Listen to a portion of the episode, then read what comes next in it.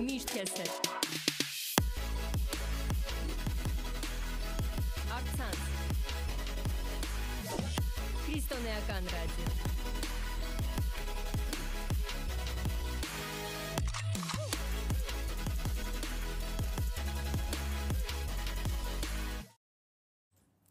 Պուսկ Բարև ձեզ սիրելի ռադիո լսողներ։ Ողջունում եմ բոլորիդ։ Մենք կրկին Vol Radio-ի ուղիղ եթերում ենք։ Անչափ ուրախ ենք ձեզ այստեղ, այս տաղավարից ողջունել։ Բարև ձեզ։ Ներկայացնեմ մեր հյուրին։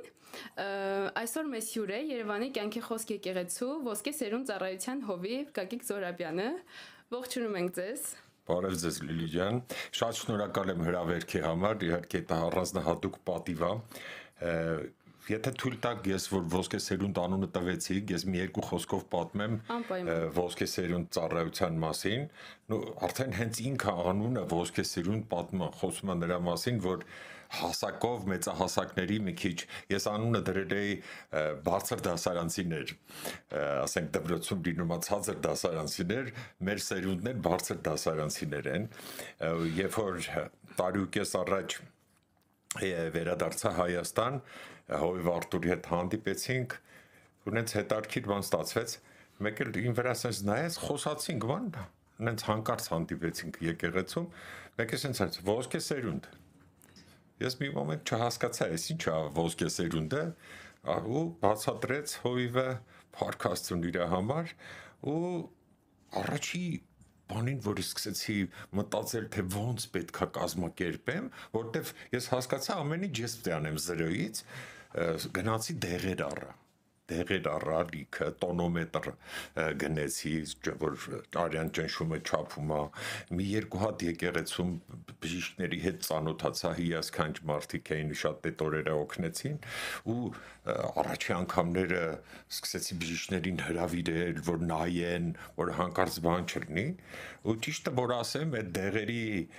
տոպրակը որ կա ոչ մի անգամ մենք չենք բացել, ոչ մեկին չի հետարկրում այդ դեղերը, ես հասկացա շատ շուտ, ոչ մեկը չի գալի ինչ որ բժշկական օգնություն ստանալու համար։ Ընթակառակը բոլորը գալիս են մեծ սիրով, աստուն փառաբանում են, խոսքը լսում են, հենց մեր ծառայության մեջից մարդիկ եւ խոսքով են կիսվում, վկայություններ են տալի եւ ամենաշատը դա է հետաքրքրում։ Ու եկեղեցու էլ ես ուզում եմ սենց կամած կամած միշտ հանդիպումների ժամանակ բացատրում եմ, որ ասենք կան այ հիմա 75 ամյակը պետքա նշվի հայրենական պատերազմի հաղթանակի եւ այլը եւ մեծարում են վետերաններին, մեծարում են մեծահասակներին, մեդալներ են տալիս ինչ որ բաներ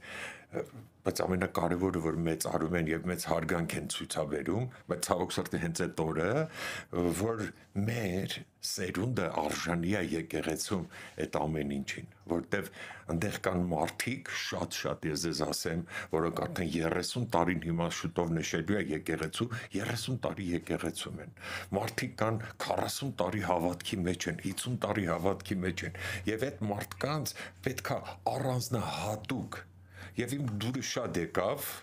հովիվի առաջարկությունը եւ Աստված առաջնորդեց հիմա մենք ամեն չորեքշաբթի ժամը 6-ին հավաքվում ենք մի թեթև Էդ էլ ասեմ, էդ էլ առանձնապես չի հետաքրում, սուրճ, ինչ որ փոքր հյուրասիրություն եւ այլը, բայց բոլորը անհամբեր մինչեւ այդ մոմենտը 6-ից 15 դռները փակալու։ Սենց չեք պատկերացնում, հավաքում են սենց դռան մոտ երեխաների նման ու սպասում են, երբ պետքա դուռը բացվի։ Դռները բացվում, մի անգամից վազում են ներս ու անհամբեր սպասում են, երբ պետքա մեր յուրան հովիվ յուրան, որը փառաբանությունը մեր անցակացնում, սպասում են հիասքանչ ասեմ հիասքանչ անցկացնում յուրան փառաբանությունը եւ աստծո ներկայությունը միանգամից լծվում է բոլորս լող ենք տալի parzapes աստծո ներկայության մեջ ու ասեմ մի բան էլ ավարտեմ որ եկեղեցու ծրագրի մեջ կա որ ապրիլի 22-ին ուրեմն հանրապետական կոնֆերանս է կազմակերպվելու Երևանում մեր եկեղեցում ոսկե սերունդի հանրապետական կոնֆերանս առաջում սա այդքանը Շատ շնորհակալություն ուզում եմ անցնել արդեն թեմային։ Մենք ունենք մի քանի հարցեր ձեզ պատրաստած։ Մեր այսօրվա թեման է, որի շուրջ մենք պատրաստվում ենք ունենալ հարցազրույցը։ Կարողացիր ներողություն խնդրել։ Ահա։ Շատ հետաքրքիր թեմա է։ Այդ գիտեք այդ թեման մի քանի օր առաջ իմ ոնց որ մեջս դուրս եկա, բայց ոչ թե sense հանկարծ մեր մոտ հյուր էին եկել մի զուրկ մեր բարեկամներից եւ կինը խոսում ենք դե իրանք ցավոք սրտի անհավատ են հլա դեռ չեն ընդունել աստծուն եւ խոսակցության մեջ ինչպես բոլորը մենք էլ աշխատում ենք պատմել Հիսուսի մասին, պատմել փրկության մասին, ներման մասին էինք խոսում եւ այդ կինը մեր բարեկամը ասեց ես շատ հեշտ ներում եմ ասեց ես խնդիր չունեմ ներելու հետ Ո ասեցի, ինչ լավ է, բան, ու մեկ էլ ասեց, բայց մի ես ներողություն կյանքում չեմ խնդրել, ու չեմ էլ խնդրի ոչ մեկից ներողություն։ Այդ մոմենտից բան ոնց որ անցա, բայց հետո երբ որ սկսեցի մտածել, ես հասկացա, որ դա շատ մեծ խնդիր է, որ մարդ չի կարող ներողություն խնդրի։ Ասենք ներելը ինչ բան է, ներելը Գիտեք ինչին եմ ես համեմատում մոտավորապես։ Առաջինը որ մարդը հրաժարվում է վրեժխնդրությունից, երկրորդը որ ինքը չի ուզում անպայման ինչ որ մի ձևի փոխհատույց լինի նույնանման ձևով այդ մարդուն, հրաժարվում է նեղանալուց, հրաժարվում է ամեն տեսակի բացասական էմոցիաներից, ու դա գիտեք, այնպես չի որ մարդն հեշտ կարող է, չէ՞, անի դա խնդիր է օրինակ ես պատմեմ, ես իմ հետ անձնական, ասենք մի քիչ ոնց որ մենք ասում ենք մեր լեզվով վկայություն տամ 14 տարի առաջ էր ես մի հատ ընկեր ունեի մանկության, ինքը ինձ դավաճանել էր։ Ու ես շատ ծանր էի տանում ու անենց էր մենք այն ժամանակ Մոսկվայում էինք ապրում, անենց էր որ ես գերադասեցի ամեն ինչը թողնեմ գնամ այդ երկրից գնացի Ամերիկա մենակ իրան չտեսնեմ էլի որ չհանդիպեմ հանկարծ հա ու գնացի բայց այնտեղ ոչ մի բան ինձ չօգնեց այնպես չէր որ ես գնացի այդ մարդուն չտեսա ու ինչ որ բան եղավ ու այդ իմ վերապրումները կիսվեցի այն ժամանակ Լոս Անջելեսի կյանքիղոս երկերեցու հովիվը Լեոնիդ Մալկոն էր Լեոնիդի հետ կիսվեցի ու ինքանից հետաքրքիր ձևով ինձ բացատրեց ու ես ազատվեցի այդ ցավից ասես դու պատկերացրու ասես որ դու մտածում ես իր մասին ես այդ շատ եմ պատմեին վկայությունների մեջ բայց պետքա ասեմ որովհետև թեման դա է ասեց որ իր մասին մտածում ես, ի՞նչ է հետդ կատարում, ի՞նչ է կատարում, ամեն ինչ խառնվում է մեջս, գիշերը չեն, եթե գիշերը արթնանում եմ, չեմ կարողանում քնեմ բան, բայց ասում ենք իրավար քնած անդեղ երևի։ Ասի կարող է։ Ասում բայց դու գիտես, որ այ ես քո վրա նայում եմ, ասեց, ու տեսնում եմ, այ դու պատկերացրու քո ֆիզիկական սիրտ սիրտը։ Դու հենց իրան հիշում ես, պատկերացրու որ մի ծծում կիսլատը հայերեն ասած ծծում ես կաթացնում այդ հոգևոր սրտիդ վրա եւ ֆիզիկական սրտիդ վրա եւ օրերից մի օր առաջինը մեկը պայթելու է պարզապես, որտեվ ամեն անգամ քայքայվում է, չէ, ծծումբը քայքայում է։ Եթե ֆիզիկականը դու պարզապես ինֆարկտ կստանաս, կմահանաս, եթե հոգեկանը գլխիդ հետ ինչ որ բաներ կկատարվի ու դու էլի շատ ծանր իրավիճակի մեջ կընկնես ու եթե գնաս այդ բերը քո վրա վերցրած դու ընդ քեզ չեն ընդունելու որ դա ինձ ասեց, ես այնպես պատկերավոր տեսա, ասի Տեր Աստված, խնդրում եմ ու ես մեղանչեցի, ապաշխարեցի, ոնց որ մենք ասում ենք, հրաժարվեցի դրանից, ու մենք իրար հետ աղոթեցինք ու ես լրիվ ազատագրվեցի, որտեվ դա ես չէի բանում որ դա մեղ կա ու շատերը չգիտեն, որ չներելը մեղք է։ Շատերին է միգուցե ներողություն չխնդրելն է մեղք։ Թվում է ասում են, դա մեղք է, 100%-անոց մեղք է, երբ որ մենք չենք բանում։ Իմ բանել ասեմ այդ թեմայով, որ շատերին թվում է երբ որ ներում է ինքը կամ պետքա ների, ինքը համաձայնվում է մեղքի հետ։ Բայց դա տենց չի կամ էլ թե չէ ինքը իր թույլությունն է ցուցաբերում այդպես բան չկա ընդհակառակը դու քո մեծությունն ես ցուցաբերում եւ ես հեչ անպայման չի մեղավորի հետ համաձայնվեմ բայց ես ներեմ Գիտեք, օրինակ աշխարհում էլ պետությունները ամինիստիա են հարտարարում, կամ էլ թե չէ օրինակ երեք Ռուսաստանի նախագահ Պուտինը Իսրայելի մի հատ քաղաքացի կնոջ ազատեց, ներում տվեց նրանք չեն չեն նայում այդ դեպքում ամինիստիայի ժամանակ դու արել ես որոշումը կա իրանք քեզ ներում են այդ ձևի մենք պետքա կարևորը որոշում ընդունենք որ մենք պետքա ներենք այդ ժամանակ Աստված մեզ օգնում է եւ մենք ազատվում ենք այդ բերից կարելի ասել ամեն դուք միանգամից պատասխանեցիք մեր պատրաստած մի քանի բոլոր հարցերին։ Չէ, բոլորին չէ, մի քանիսին պատասխանեցիք մեր առաջին հարցներ թե ինչ է ներումը, դուք արդեն պատասխանեցիք թե ինչ է ներումը։ Ինչու է պետք ներել եւ ինչու է պետք ներողություն խնդրել։ Ինչ է դա։ Դե ես ինձ թվում է այդ հարցին էլ մոտավորապես պատասխանեցի։ Առաջինը քրիստոնյան, մենք խոսում ենք հիմա քրիստոնյաների մասին, հավատքով ապրողների մասին, ինքը մենք միշտ ցկտում ենք մեղքից ազատվենք։ Եթե ես մի բան գիտեմ, որ մեղ կա, ես ուրեմն միշտ ցկտում եմ Աստծուց ներողություն խնդրեմ ու կատարեմ Աստծո պատվիրանը իմ համար առաջի հերթին հենց դա է, որ ես ունեմ երկյուղ իմ սրտի մեջ, որ չեմ ուզում Աստծուն ինչ որ մի ձևի հակառակ բան անեմ, աշխատում եմ անեմ։ Իհարկե ցավոք սրտի ոչ միշտ է կատարվում, բայց Աստված ինքը գտասիրտ է, ինքը սեր է, ինքը հենց այդ սերը մեր վրա լցնելով մեր ցույց է տալի թե մենք ինչպես պետքա վարվենք տարբեր իրավիճակներում։ Իսկ ներեղություն խնդրելը գիտեք եկեք ուզում եք ես չեմ անում հարցում երևի կլինի ներեղություն խնդրելը ես ասում եմ որ ավելի դժվար է ներեղություն խնդրելը,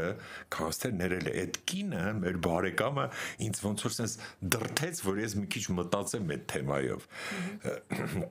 որտեվ sense բան մարդկային հայացքով եթե նայում ենք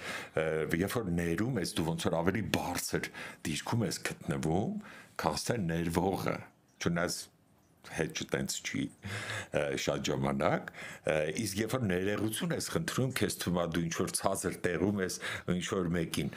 իհարկե աստծո դեպքում տենց էլ կա մենք հոգևոր վիճակով իհարկե մենք ցածր ենք ավելի քան թե աստված ու նայեք մենք ունենք փրկության աղոթք որը կոչվում է ապաշխարության աղոթք անդե հենց առաջի բառերից համարյա մենք ուզում ենք ու ասում ենք օրինակ ես աստծո առաջ եմ ասում համարը ամեն օր ես ապաշխարում եմ այդ աղոթքը ասում եմ որտեվ գիտեմ ու հենց առաջին այդ ապաշխարության աղոթքի փրկության աղոթքի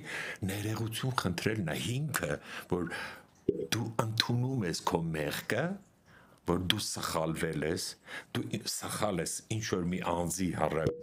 այս դեպքում ասենք Աստծո առաջ սխալ ես գործել եւ դու ընդունում ես եւ հրաժարվում ես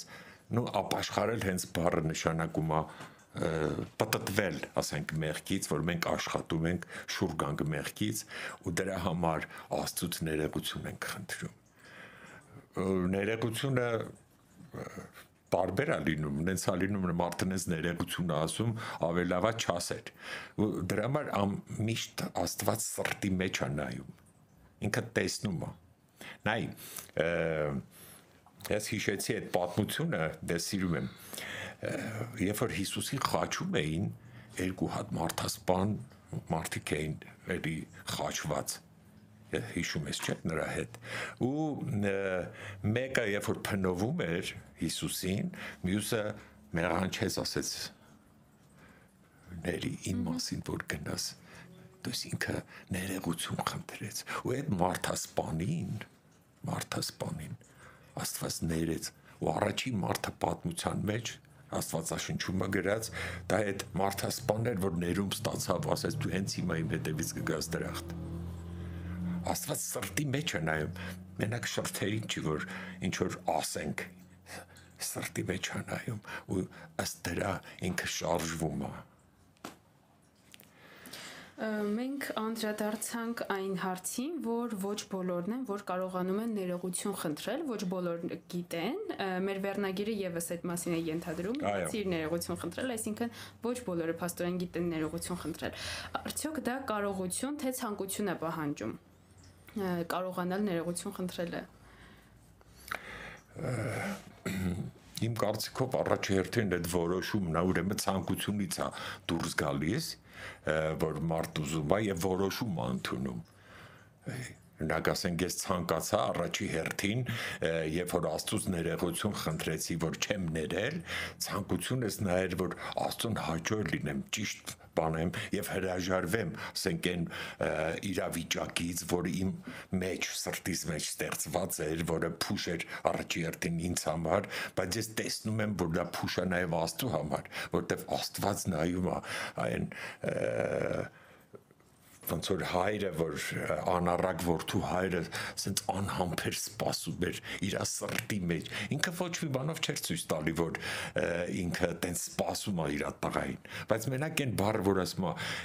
երբ որ տղան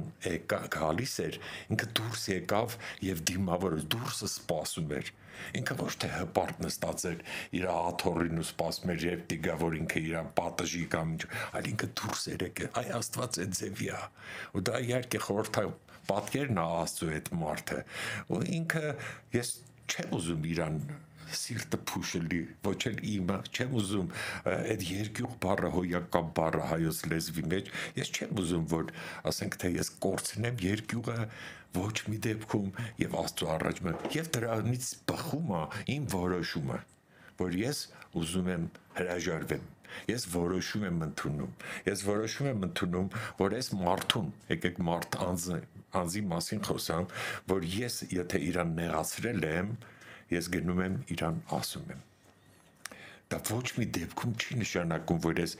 ցածր բան եմ անում հետո անպայման չի այդ մարդը ինձ ների ինձ այդ հարցը շատ են տալիս մեն բա որ ինքը չի ներում ասում եմ դա իր խնդրեմն է մենք ինչ կարող ենք անենք մեզանից աստված ուզում է որ ներողություն խնդրենք այ հեսա տեսնեմ կարող եմ գտնեմ ես մի հատ տեղ ունեմ ստեղ մի խոսքով ասեմ Հա, հեսա Մաթեոս 5:23-ում ասում արդ եթե սերանի վրա մատուցանես քո ընծան եւ այնտեղ հիշես թե քո եղբայրը քեզ դեմ մեկ բան ունի, թող այնտեղ էլ քո ընծան սեղանի առաջին եւ գնա առաջ հաշտվիր քո եղբոր հետ եւ հետո եկ ընծատ մատուցրու ավելի այս արվել այս իրավիճակում։ Գիտես, Աստված ասում է քո զոհը չի ընդունվի, եթե ինչ որ մեկը քեզանից նեղացած է։ Ու դա միայն ֆիզիկական զոհը չի, ամբողջովին դու Աստծո կողմից չես ընդունվի։ Ես տենց եմ տեսնում, գնա առաջի հերթին բարիշի հայերեն ասած, մեր լեզվով ասած, հետո նոր ուրեմն արի Աստծո մոտ կանգնի Աստծո առաջ Աստծուց մի բան խնդրի համար մենք օրվա մեջ անընդհատ պետքա մեզ զնենք մեր արարքները ու մտածենք ասենք թե ինչ որ մեկին ինչ որ մի բանով միգուցե նեղացրեցինք Իսկ եթե այնուամենայնիվ դուք նշեցիք, որ մարդը երբ ներողություն է խնդրում ինչ-որ մեկից, դիմացինի ներելը կամ չներելը, եթե այնուամենայնիվ դիմացինը չի ներում, ինչպես ինչպես է աստծո վերաբերմունքը արդեն քեզ, կընդունվես թե չես ընդունվի այդ ժամանակ? Երբ որ ես ասենք սենց պատկերացնեմ, ես ներողություն խնդրեցի, ձեզանից դուք չընդունեցիք։ Ահա։ Այդ ժամանակ ես ինչ անեմ։ Ահա։ Իմ քայլերը։ Այո, ձեր աղոթեմ ձեզ համար։ Ես միայն դա եմ տեսնում, որովհետև ես չեմ կարող սկսեմ ինչ որ ավելի վատ բաներ անեմ, կոպտեմ, ասենք թե ինչ որ վրեժ խնդրություն ունեմ, միայն կարող եմ աղոթեմ ձեզ համար, որ ձեր սիրտը բացվի փապքի, որ դուք ինձ ներեք, բայց իմ կարծիքով Աստծո առաջ ես արդեն մաքուր եմ, որտեվ եկել եմ կոնկրետ ձեր առաջ կանգնել եմ եւ ներողություն եմ խնդրել դեպքերը առնում գիտեք, ասենք, ասում են բայդ մարդը Ամերիկայում է ապրում, ես ոնց Իրանից ներողություն կընտրեմ, ես ասում եմ միգուցե կարող ես զանգահարել հիմա կապերը առաջվանը չի ոնց որ իմ երիտասարդ ժամանակ որ ընդհանրապես իրավունք էլ չուներ Ամերիկայի հետ նամակագրական կապ ունենայր դու կարող ես զանգահարել ասել կամ նամակ գրես ներողություն խնդրես իսկ իրա քայլը երկրորդն է արդեն շատ լավ, շատ շնորհակալություն պատասխանի համար դուք չներման մասին եւս խոսեցիք, այնպես ստացվեց, որ մեր հարցերից ընդհանուր շատ պատասխանեցիք մեր պատրաստած հարցերին ինչ է չներումը եւ ինչպես է պետք վարվել չներման հետ։ Վստահ եմ, որ մեր հերոստատիտողներից շատերին է հետաքրքրում, թե ինչպես հաղթահարել չներումը իրենց ներսում։ դե, Իմ կարծիքով իմ օրինակը վկայությունը, որ բերեցի, ասենք դա հենց իմ համար միգուցե շատ վառ իրավիճակ էր, որ գիտեք, դա տևեց երկու տարի, ես երկու տարի տանջանքների մեջ էի ել ավել հետևանք էր եղել երկու անտ հիվանդություն ունեցա ու իսկականից ես տեսա որ Աստվածաշնչում գրած ասում է ունայն սիրտը չորացնում է ոսկորները հիվանդություն է բերում ու այդ իմ իրավիճակից ես երկու հատ վիրահատություն տարա. Ստամոսից վրա խոց եւ ուռուցք առաջացավ երեք քառորդը հեռացրեցին հետո կոկորդից վրա ուռուցք եղավ բայց այդ արդեն աստված բժիշկես դա մի հատ ուրիշ պատմություն է հետևանքները չներման շատ ծանր են շատ ծանր են, երբ որ մենք չենք ներում։ Ու գիտեք, առաջի հերթին վնասը չներողն է ստանում չներողն է ստանում վնասը։ Նա ինչ այն մարդու հետ կատարվում է, մի հատ ուրիշ մոմենտ է, որ ոնց որ թե ես ասենց ասեմ, մենք Իրան ինչ որ չափով զրկում ենք փրկության հնարավորությունից, երբ որ մենք Իրան չենք ներում բայց մեր համար ով որ պետքա ների ավելի ծանր հետևանքներ են ու ես դրա մեջով անցա հիմա ես չեմ ասում ասենք սիրելի ունկնդիրներ որ անպայման դուք էլ այդպես բան կնեք բայց զգուշ եղեք անձամբ ես անցել եմ դեռ եւ ֆիզիկապես ասում եմ ես երկու հատ վիրահատություն եմ տարել 3 տարվա ընթացքում ծանր հիվանդացել եմ բժշկվել եմ, Աստված գտասիրտա, գիտեք,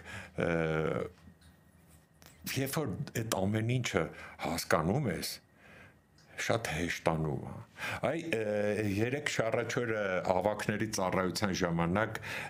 շատ հետաքրքիր ծառայողն էինք Անգլիայից, եթե հիշում եք, ինքը մի հատ այդ տեղը կարդաց, որը մենք անգիր գիտենք եւ հիմքը դրա վրա էր դրված քարոզի Ղուկասի 10:27-ը, եթե թույլ տակ կարդամ ես, Սիրիր քո Տեր Աստծուն քո բոլոր սրտիցը, քո բոլոր անձիցը, քո բոլոր զորությունիցը, քո բոլոր մտքիցը եւ քո անգերին քո անձի պես։ Սա անից խոսքերը հասկանում եք, որ եթե քո սրտի մեջ այդ ամեն ինչը դու ընդունում ես ու քո մեջ անց ես կացնում, հնարավոր չի արդեն ուրիշ ձևի ինչ որ վարվես, ուրիշ բան անընդհատ գծկտես, ուստեղ մենակ անձը չի ասում, մենակ սիրտը չի ասում, նա ասում սրտից է բոլոր սիրես, անձից է, զորությունից է, մտքից է, այդ ամեն ինչը որ Աստված քեզ տվել է, իսկ Աստված է այդ ամեն ինչը տվել, դու սեր բան անես։ Ու եթե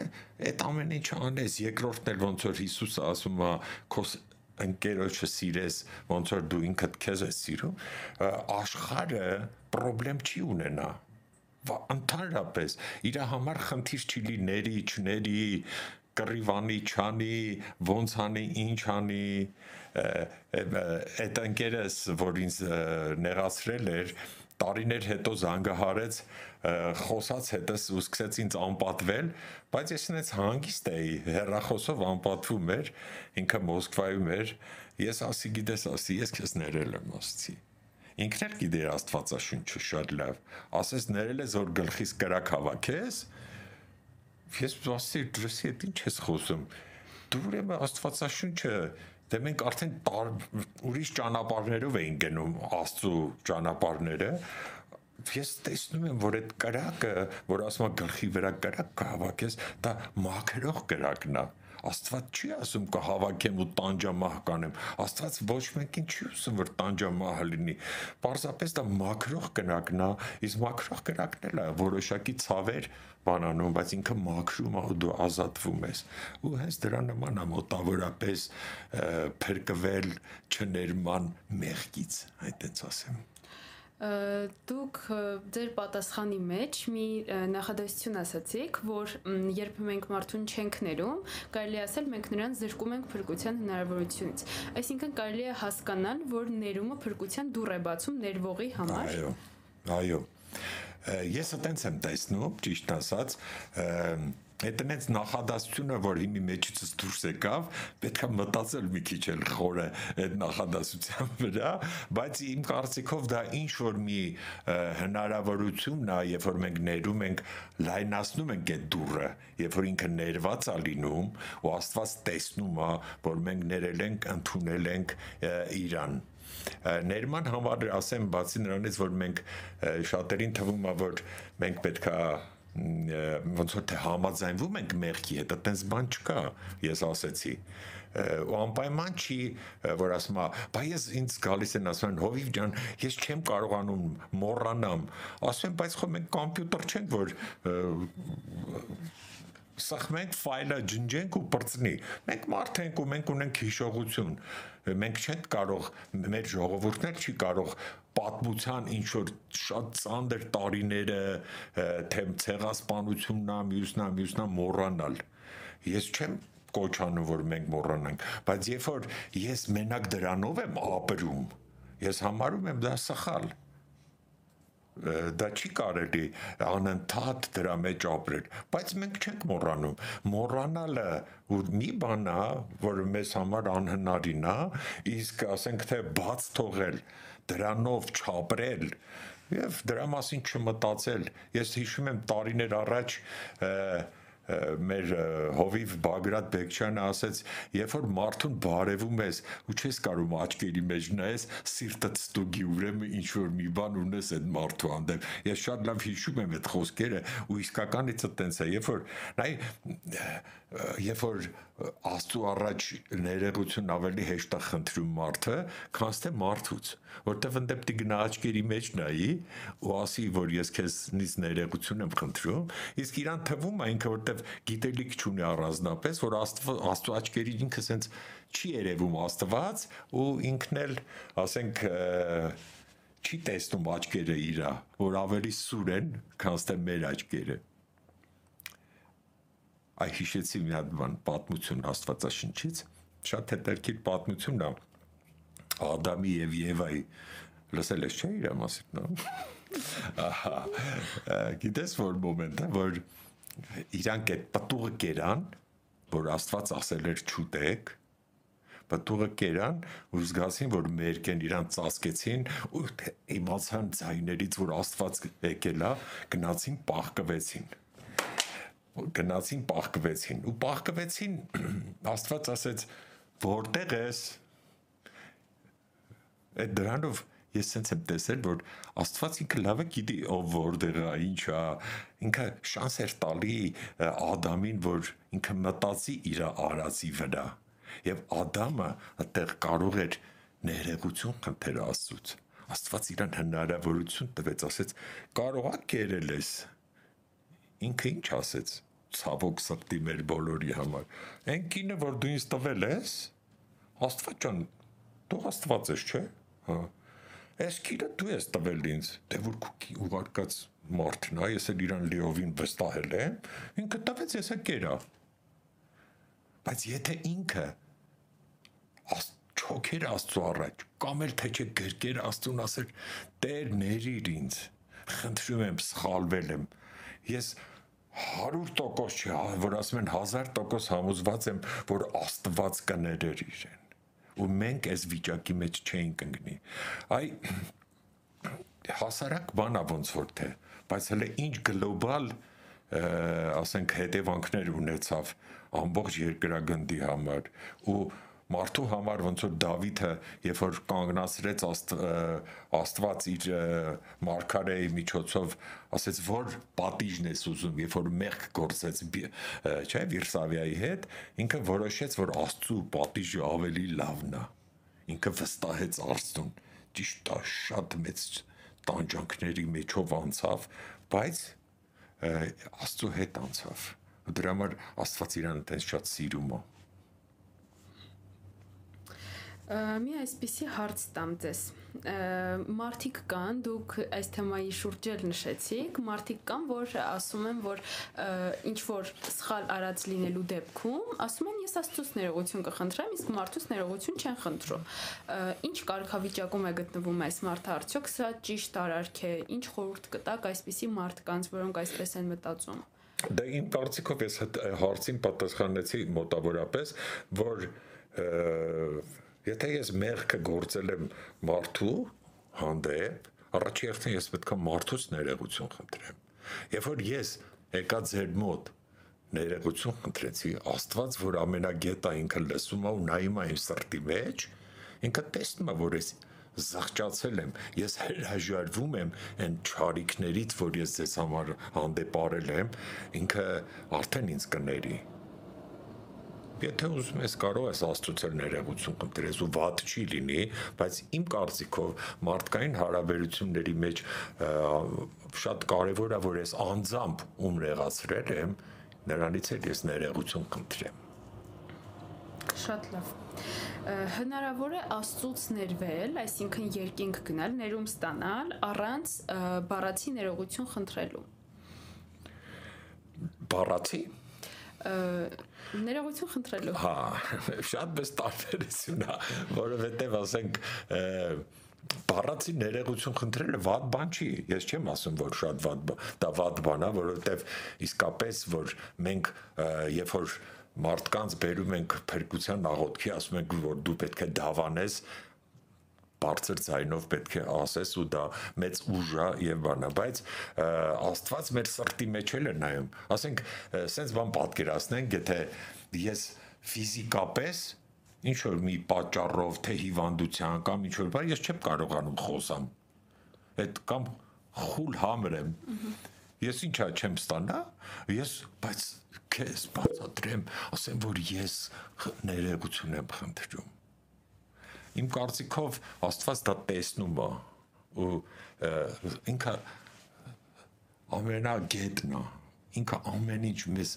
սենց եթե ռենգենը մեր ոսկորներն է տեսնում, ինքը ամեն ինչն է տեսնում, ամենակարևորը մեր հոգին է տեսնում, մեր սրտի դիրքն է տեսնում, տեսնում է մեր դրթապաճառը ինչու՞մ է, այս կամ այն քայլը անելուց եւ չեմ տեսնում, բայց մի բան ասեմ ձեր հարցին պատասխան, որ ասենք եթե մենք ասում ենք, որ մեղքի վարձքը մահա, մահը հոգևոր վիճակն է, ու մենք հիմա խոսացինք, համաձայնվեցինք, որ չներելը եւ ներողություն չխնդրելը դա մեղք է, ես չեմ տեսնում, որ ասենք ես կգնամ աստծո արքայություն եւ ինձ այնտեղ կընդունեն բայց ասենք այնց բան կարող է լինի, ես չգիտեմ, ես ասենք Մարդը չի իմանում, որ դա մեղք է, խոսքի օրինակ բայց դա հիմնականում գիտեք ոնց է ես sense եմ տեսնում դա այն մարդը կլինի ով որ աստծո հետ հարաբերություններ չունի որտեվ մենք միանգամից մեր սրտի մեջ աստծո կողմից զանգերը լսում ենք որ ինչ որ մի բան անում ենք անձամբ ես տենց եմ դուք էլ եք տենց ես համոզված եմ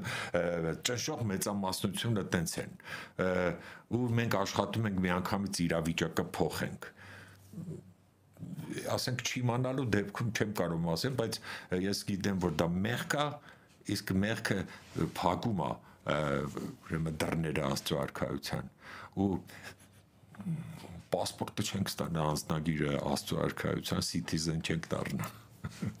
այդ իմ կարծիքն է Վերջին հարցն եմ ուզում ձեզ տալ։ Աստվածաշնչում գրված է, որ Աստված սեր է եւ սերը ծածկում է մեղքերի շատությունը։ Այնուամենայնիվ կա ինչ որ մի մեղք, որը Աստված չի ներում, կա ինչ որ բան, որը ներելի չի Աստծո կողմից։ Սուրբ գրքում գրած է մի մեղքի մասին, որ չի ներվում Հիսուսը ասել է դրա մասին, երբ որ մարդը փնովում է սարսափելի ձևով Սուրբ Հոգուն, իրան ասում իմ կարծիքով Սուրբ Հոգուն այդտեղ ոչ թե ինքը չնայած ասում է ինձ էլ որ մի բան ասեք ոչինչ բան, բայց Սուրբ Հոգին բնակվում է իմ մեջ ու ինքը ամենա կոնտակտը ամենաշատ իմ հետ Սուրբ Հոգին ունի որտեվ իմ մեջ է բնակված, երբ որ Աստծուն փնովում ես այն խոսքերը, որ կարդացի, որ սիրի, հարգի քո սրտով, քո էությամբ, քո զորությամբ եւ այլն, եւ դու դու չես անում, այլ պիղծ ձև ես քեզ պահում իմանալով այ հռոմեացիս գրքի մեջ շատ լավ նկարագրած է հենց առաջի գլխում թե որ ասма նրանք ճանաչելով Աստծուն չարեցին այդ ամեն ինչը իմ կարծիքով ես չեմ կարող ասեմ։ Իսկ ինչ վերաբերվում է օրինակ իմ մտածածը թե որն է մահացու մեղքը,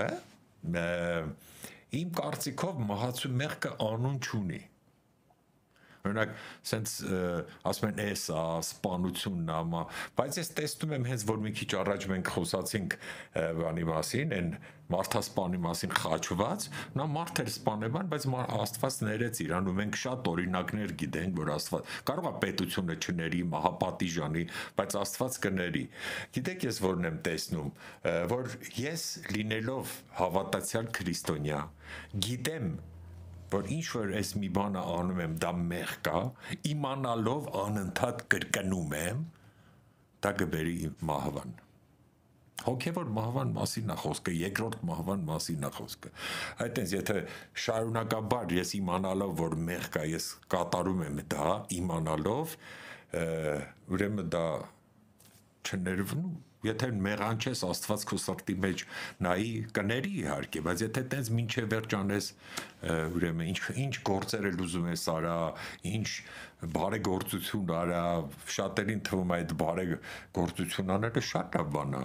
բայց սրտի դիրքն է կարևոր շատ շնորհակալ ենք Հովիվ Գագիկ։ Մեր հարցազրույցը մոտեցավ իր ավարտին։ Շատ շնորհակալ ենք պատասխանների համար։ Մենք օրհնված ենք, վստահ եմ, որ մեր հերոստատիտողը նույնպես օրհնված է կցանկանաք ինչ որ ձև ավարտել կամ օրհնության ինչ որ խոսք ասել մեր հերոստատիտողին, ինչ որ բան ձեր սրտից Օրտնության խոսքերը միշտ մեր շուրթերի վրա է։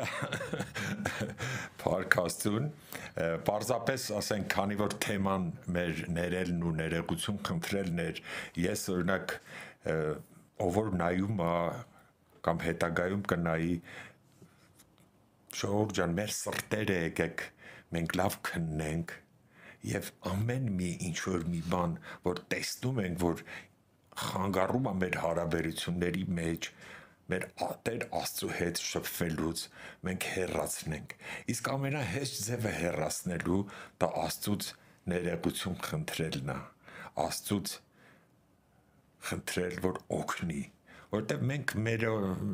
մեզանով դժվար ենք կարողանում ինչ որ մի մեղքից, որը հոգևոր իրավիճակ է, ասենք ես չեմ ասում խմել ծխելու մասին եւ այլը, հոգևոր այդ ներել չներելը շատ կարեւոր ուրեմն հոգևոր իրավիճակ է։ Ես պարզապես ձեզ կցանկանամ, որ դուք ազատվեք ու մենք միշտ աղոթում ենք եկեղեցում, ասենք բոլոր այն մարդկանց համար, որով որոնք կարիք ունեն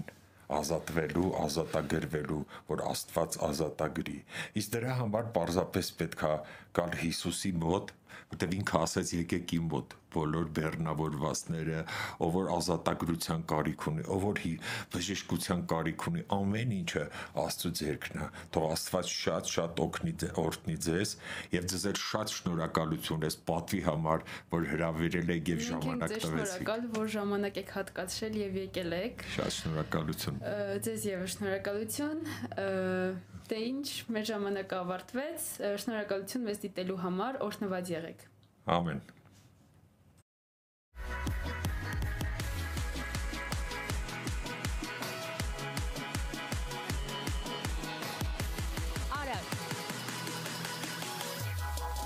Միշտ քեզ հետ։ ցանց Քրիստոնեական ռադիո